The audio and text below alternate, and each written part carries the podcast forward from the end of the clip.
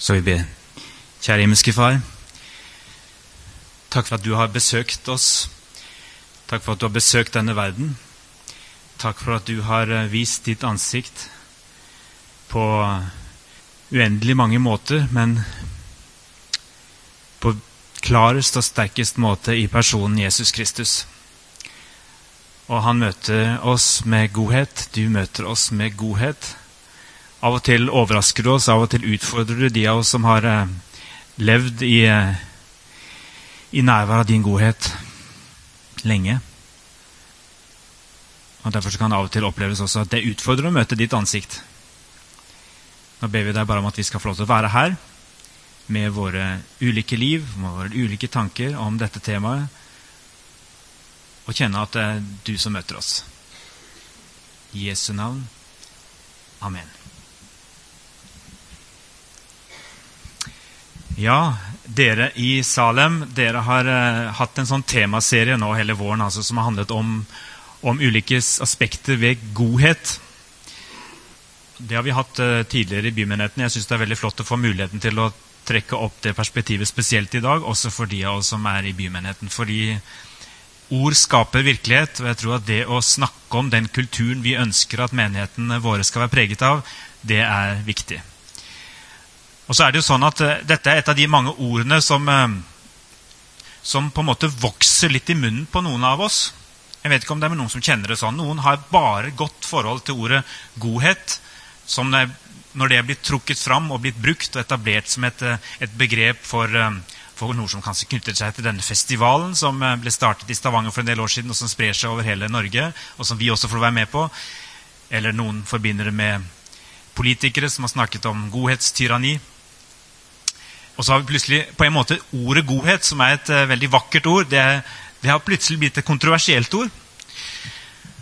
Og Derfor er det kanskje også nødvendig i en sånn serie å ha dette temaet som dere har i dag, som er godhet uten baktanke. Selv om jeg syns det er ganske utfordrende i seg selv at det skal være nødvendig å presisere at uh, godhet det er noe som bare følger oss som kristne, som er en naturlig del av våre liv, både som menigheter og, og våre enkeltliv, men at vi skal slippe å måtte presisere at det, er, det ikke er en baktanke bak. Jeg tror det er fordi at uh, mange mennesker ikke uten videre møter oss med den tilliten at når godhet møter oss, så er det ingen baktanke bak. Det er den virkeligheten uh, samfunnet har skapt for oss, spesielt i vår del av verden, der uh, alt skal ha en nytteverdi. Alt skal ha en hensikt. og Derfor er det mange som også tenker at uh, som uttrykket på amerikansk heter det There's no such thing as a free lunch. Det er ingenting som heter en gratis lunsj. Så hvis noen kommer med noe, og det virker som det er godt, så er det egentlig noe de skal selge. Det ligger noe mer bak. De skal ha noe igjen. Et av de tre bibelstedene som jeg skal lese for dere i dag og bruke i denne andakten, det er uh, Filipperne 4-5. Jeg leser bare den korte setningen nå som en innledning. Der sier Paulus.: La alle mennesker få merke at dere er vennlige. Herren er nær. Og La den setninga stå der bare sånn innledningsvis, for den er rett på.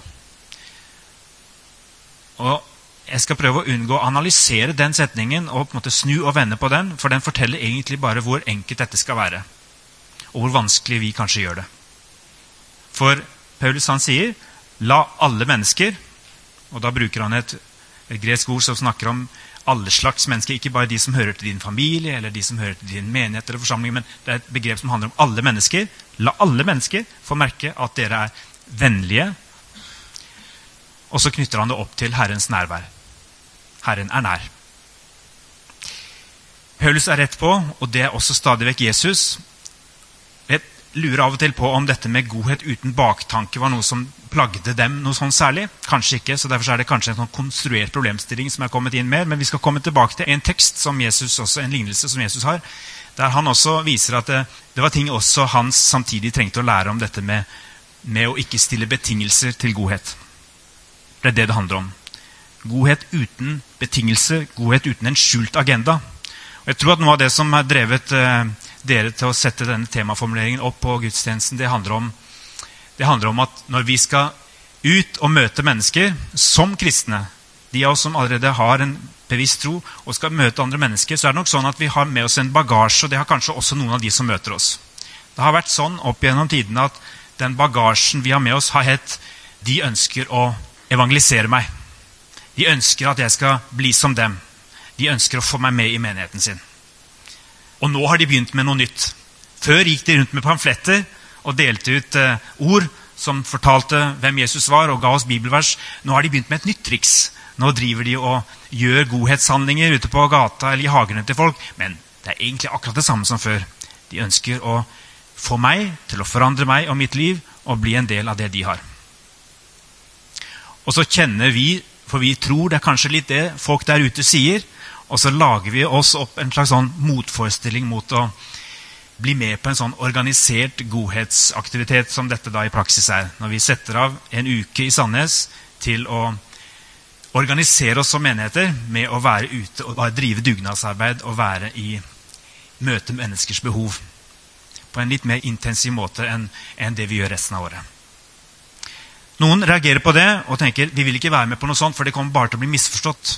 Nå driver de med en form for omdømmebygging. Er det mulig å gjøre dette uten at det skal oppfattes som at vi har en baktanke, en skjult agenda? Ja.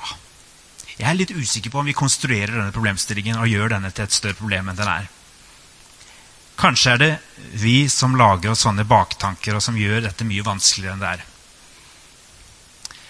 Jeg tror at når vi kommer med overraskende godhet og melder fra at vi kan være med på denne måten, så så er det veldig sjelden jeg får tilbakemelding på at folk reagerer på den måten som vi tror de reagerer. De aller fleste syns dette bare oppleves godt. Jeg er opptatt av å ta vekk litt denne problemstillingen, at vi ikke skal skape den til et stort problem for oss. Så er det andre motforestillinger som dere kan ha.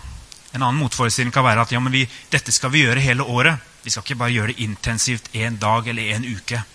Så denne ideen om å måte organisere en godhetsaksjon, det, det er ikke naturlig. Det framstår ikke som naturlig.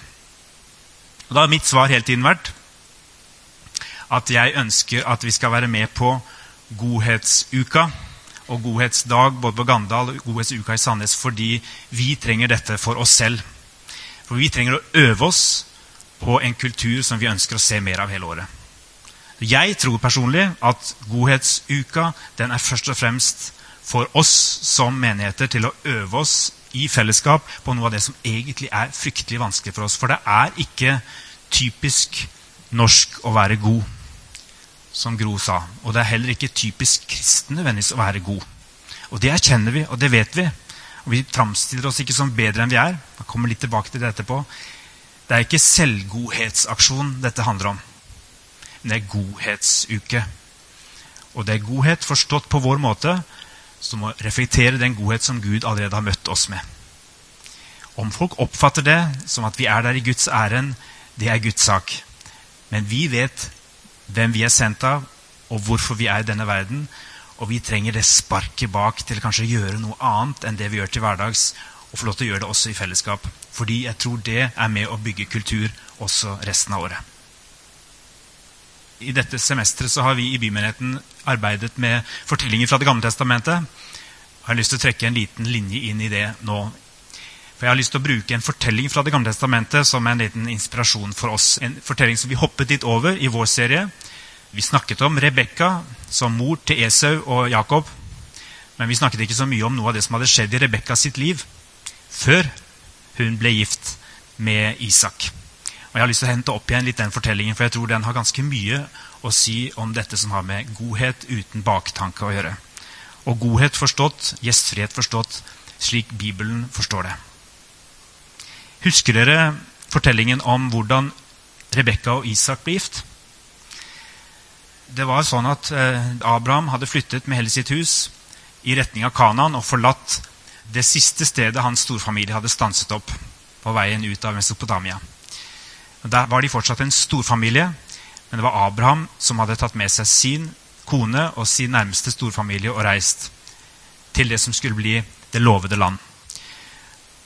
Og så var det det å finne en kone til Isak, som skulle føre ikke bare familien videre, men som skulle føre videre den planen som Abraham hadde fått av Gud, høre om fra Gud, det løftet om at i vårt folk så skal alle mennesker bli velsignet. Det er helt tydelig i første Mosebok så er det dette løftet som driver Abraham og Isak og Jakob og deres ektefeller. De har fått et spesielt løfte over sitt liv. De er tatt ut av sin sammenheng, utvalgt til å være annerledes, en annerledes familie. Og Derfor var det veldig viktig for Abraham at Isak ble godt gift. For denne familien skulle bringe videre denne store visjonen som Gud hadde gitt dem om å gjøre noe gjennom nettopp dem for å velsigne hele verden. Og Abrahams første innskytelse er jeg kan ikke finne en kone til Isak her blant disse fremmede. Det må være en jeg vet hvem er, som kommer fra vår familie og som har de samme verdier som oss. Så han sender Elieser tilbake til sin familie, sin slekt, for å finne en i den landsbyen. En som er i slekt langt ute, men som likevel hører til det utvalgte folk på et vis. Abrahams slekt. Elieser han har fått med seg mye som tjener for Abraham. Han har fått med seg viktige verdier, og jeg ser for meg at han vet veldig godt hva Gud har gitt Abraham som prosjekt. Og Elieser som tjener er med på dette og vet hva som står på spill når det skal finnes en riktig kone til Isak. Så han har fått med seg ett krav fra Abraham, og det er at du skal finne en god kone fra min egen familie. Men Elieser han legger til et tilleggskrav, ser jeg for meg. I hvert fall så ber han om et spesielt tegn. Og jeg tror ikke det tegnet er helt tilfeldig. Ofte så leser vi den teksten som om det er et litt tilfeldig tegn kanskje Elieser ber Gud om. Men sånn står det i 1. Mosbok 24, 13-14. Se, her står jeg ved vannkilden, mens døtrene fra byen kommer for å dra opp vann. La det gå slik at når jeg sier til en jente, rekk meg krukken din så jeg kan drikke, og hun svarer, bare drikk du, og kamelene dine vil jeg også gi å drikke, da er det henne du har valgt ut for din tjener Isak. Slik skal jeg vite at du har vist godhet mot Herren min. Det kan synes som en liten detalj. Det kan synes som at han bare ønsker å være helt sikker på at det er en riktig kone, og at Gud også skal være med på dette. Det er ikke nok å bare komme tilbake og, og finne en vakker jente i familien til Abraham, men han vil også at Gud skal peke henne ut på en litt overnaturlig måte. Men er det tilfeldig dette tegnet han ber om?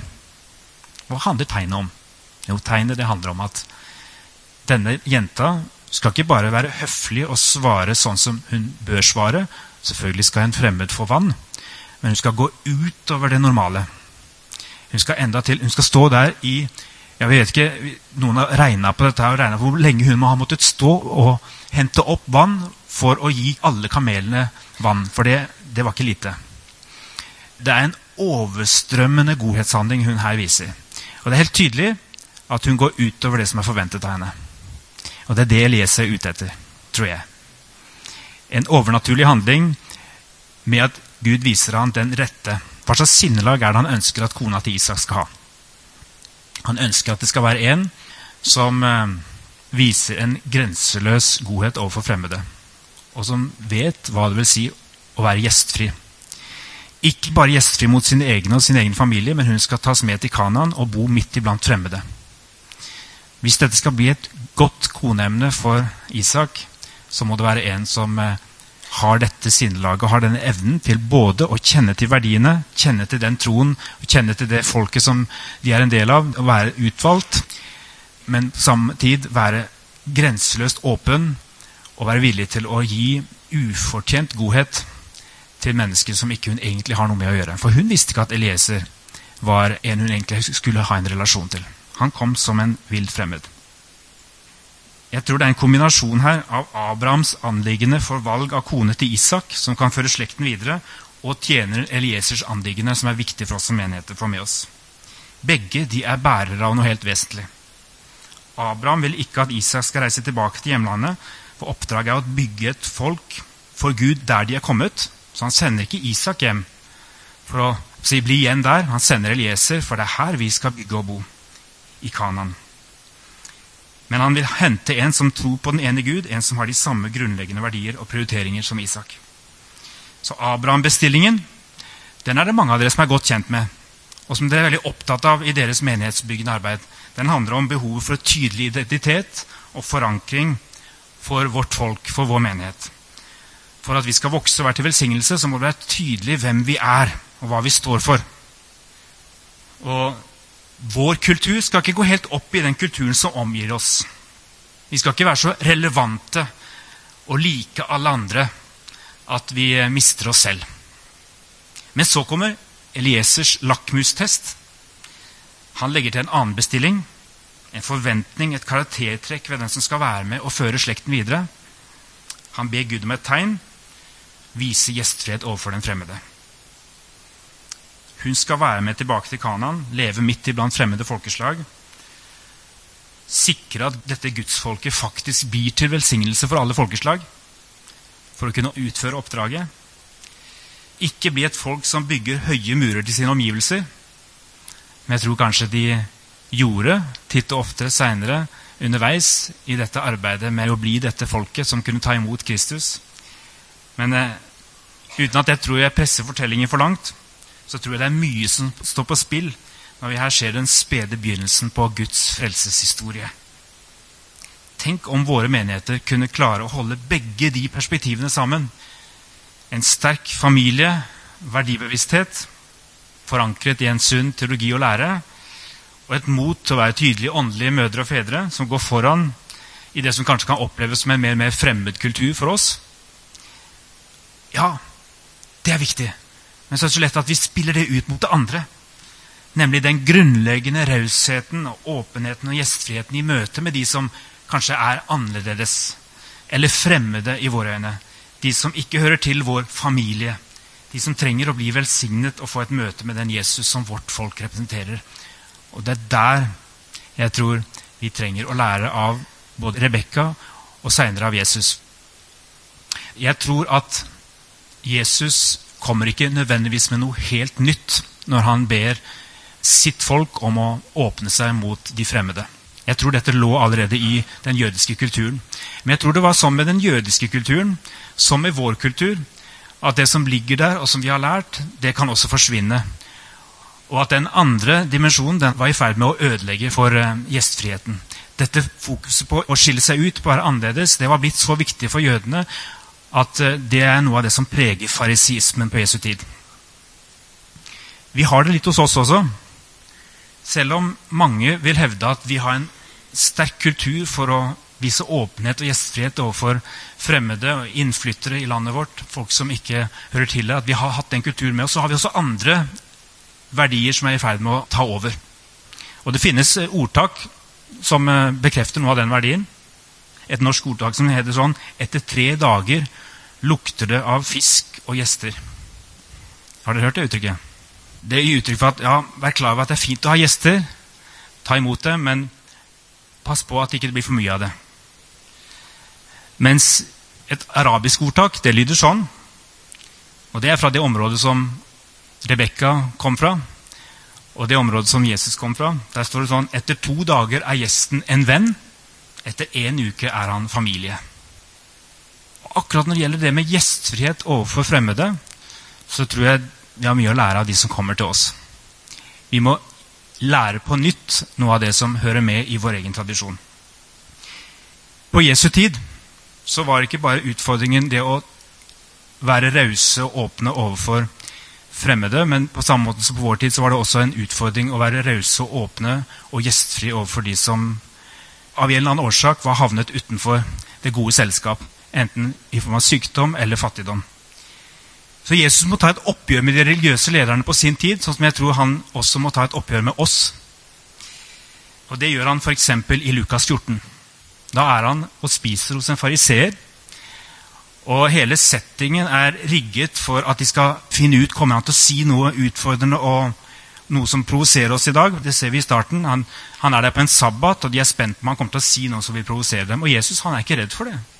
Han later ikke som om i dag skal han på en måte være fredsommelig. Nei, han, For det første så, så helbreder han en syk på den sabbaten. Og så snakker han om det han har gjort. Jeg vet at dette provoserer dere, sier han, men er det sånn at vi skal ha den typen baktanker bare for å gjøre gode handlinger? At vi ikke kan gjøre det på en sabbat? Og han utfordrer deres mange regler og finurligheter rundt rett og slett det å vise godhet. Men så kommer han til det som handler om gjestfrihet. Han sier Han sa også et ord til verten. Når du skal ha gjester til middag eller kveldsmåltid, skal du ikke be venner eller søsken eller slektninger eller rike naboer. For de kommer til å be deg igjen, og dermed får du gjengjeld. Nei, når du skal holde selskap, så innby fattige og uføre, lamme og blinde. Da er du lykkelig, for de kan ikke gi deg noe igjen.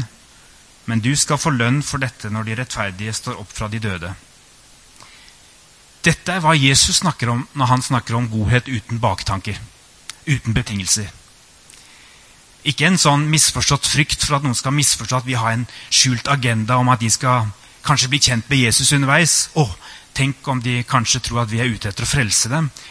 Altså, det tror jeg er en konstruert problemstilling for Jesus. Men dette var han opptatt av. At det kan være viktig at dere ikke bedriver godhet bare mot de menneskene som kan gi dere noe tilbake. De som det forventes at dere skal vise godhet overfor. Og det er familien og de nærmeste og de som er i samme livssituasjon.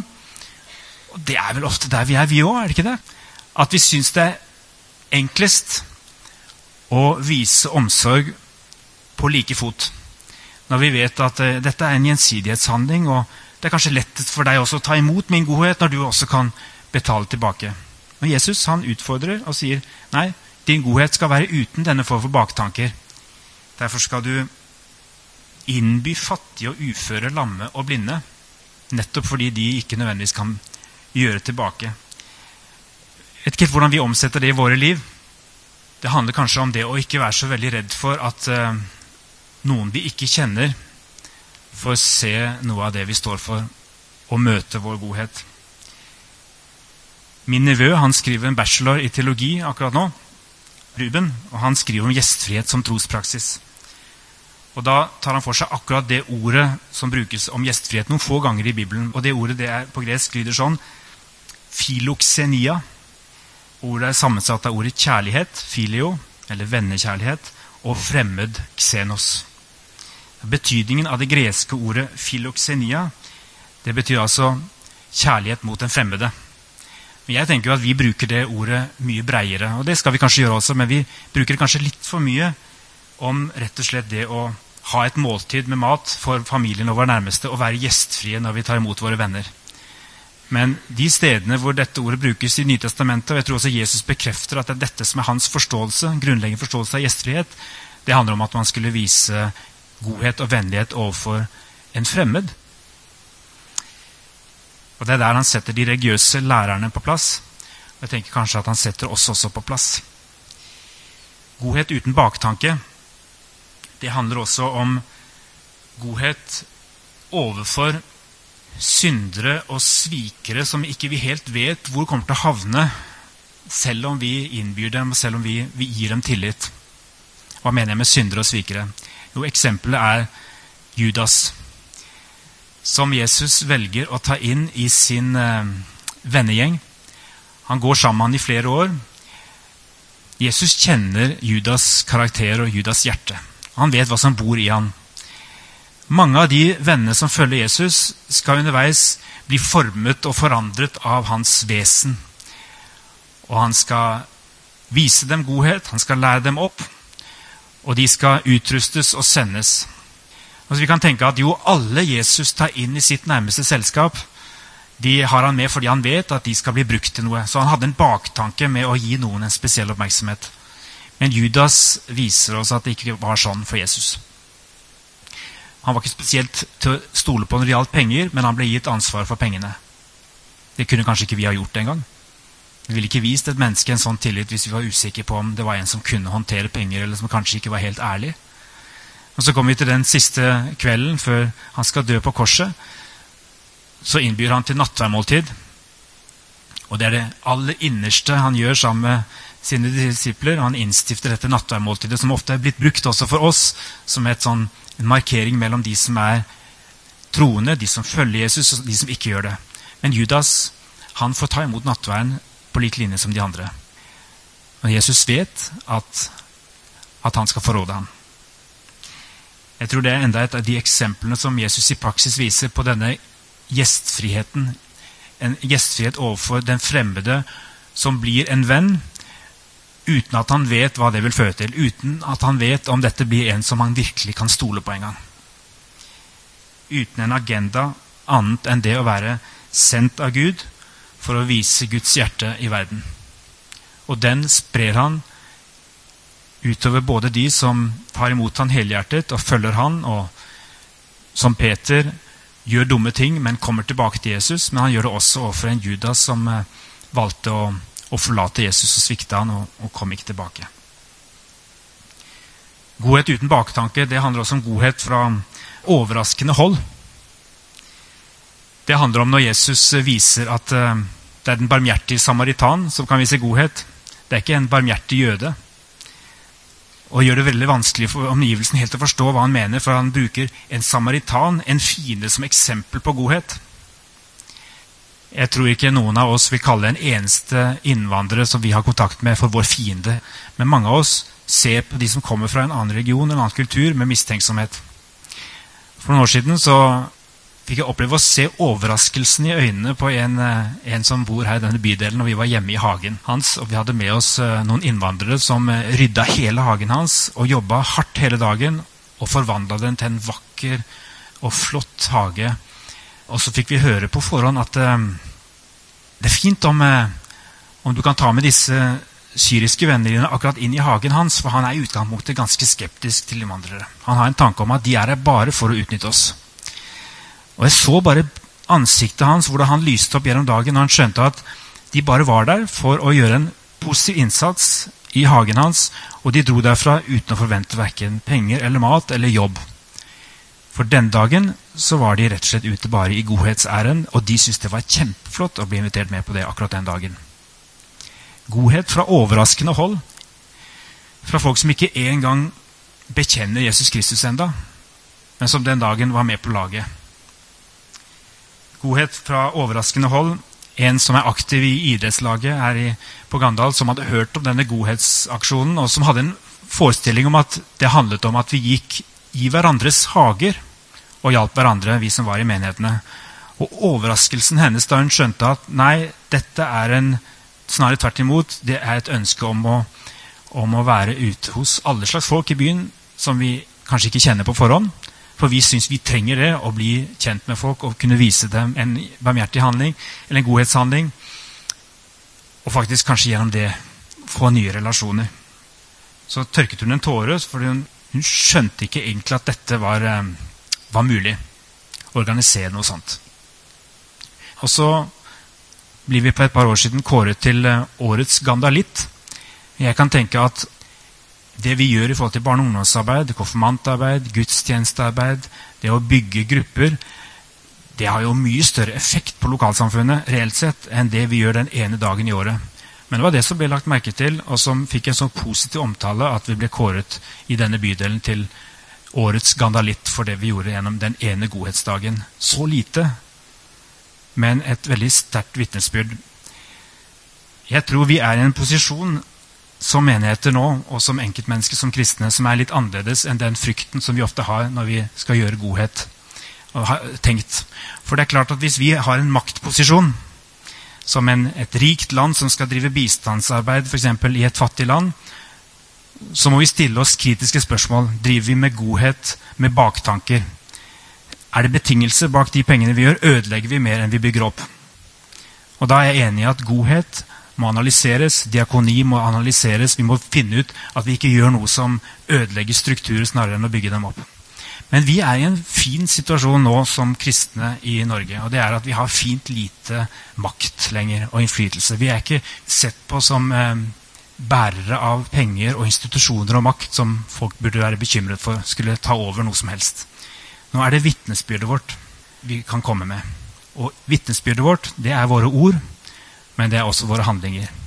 Og når vi enkelt og greit går ut og reflekterer Jesu godhet, ikke fordi vi tror vi er noe bedre, ikke fordi vi er selvgode, men fordi vi har møtt Hans godhet, og han sier 'fortsett å gjøre i verden det som jeg gjorde mens jeg var i verden', og så tror jeg det er fortsatt et ekstremt og flott og sterkt vitnesbyrd for våre omgivelser.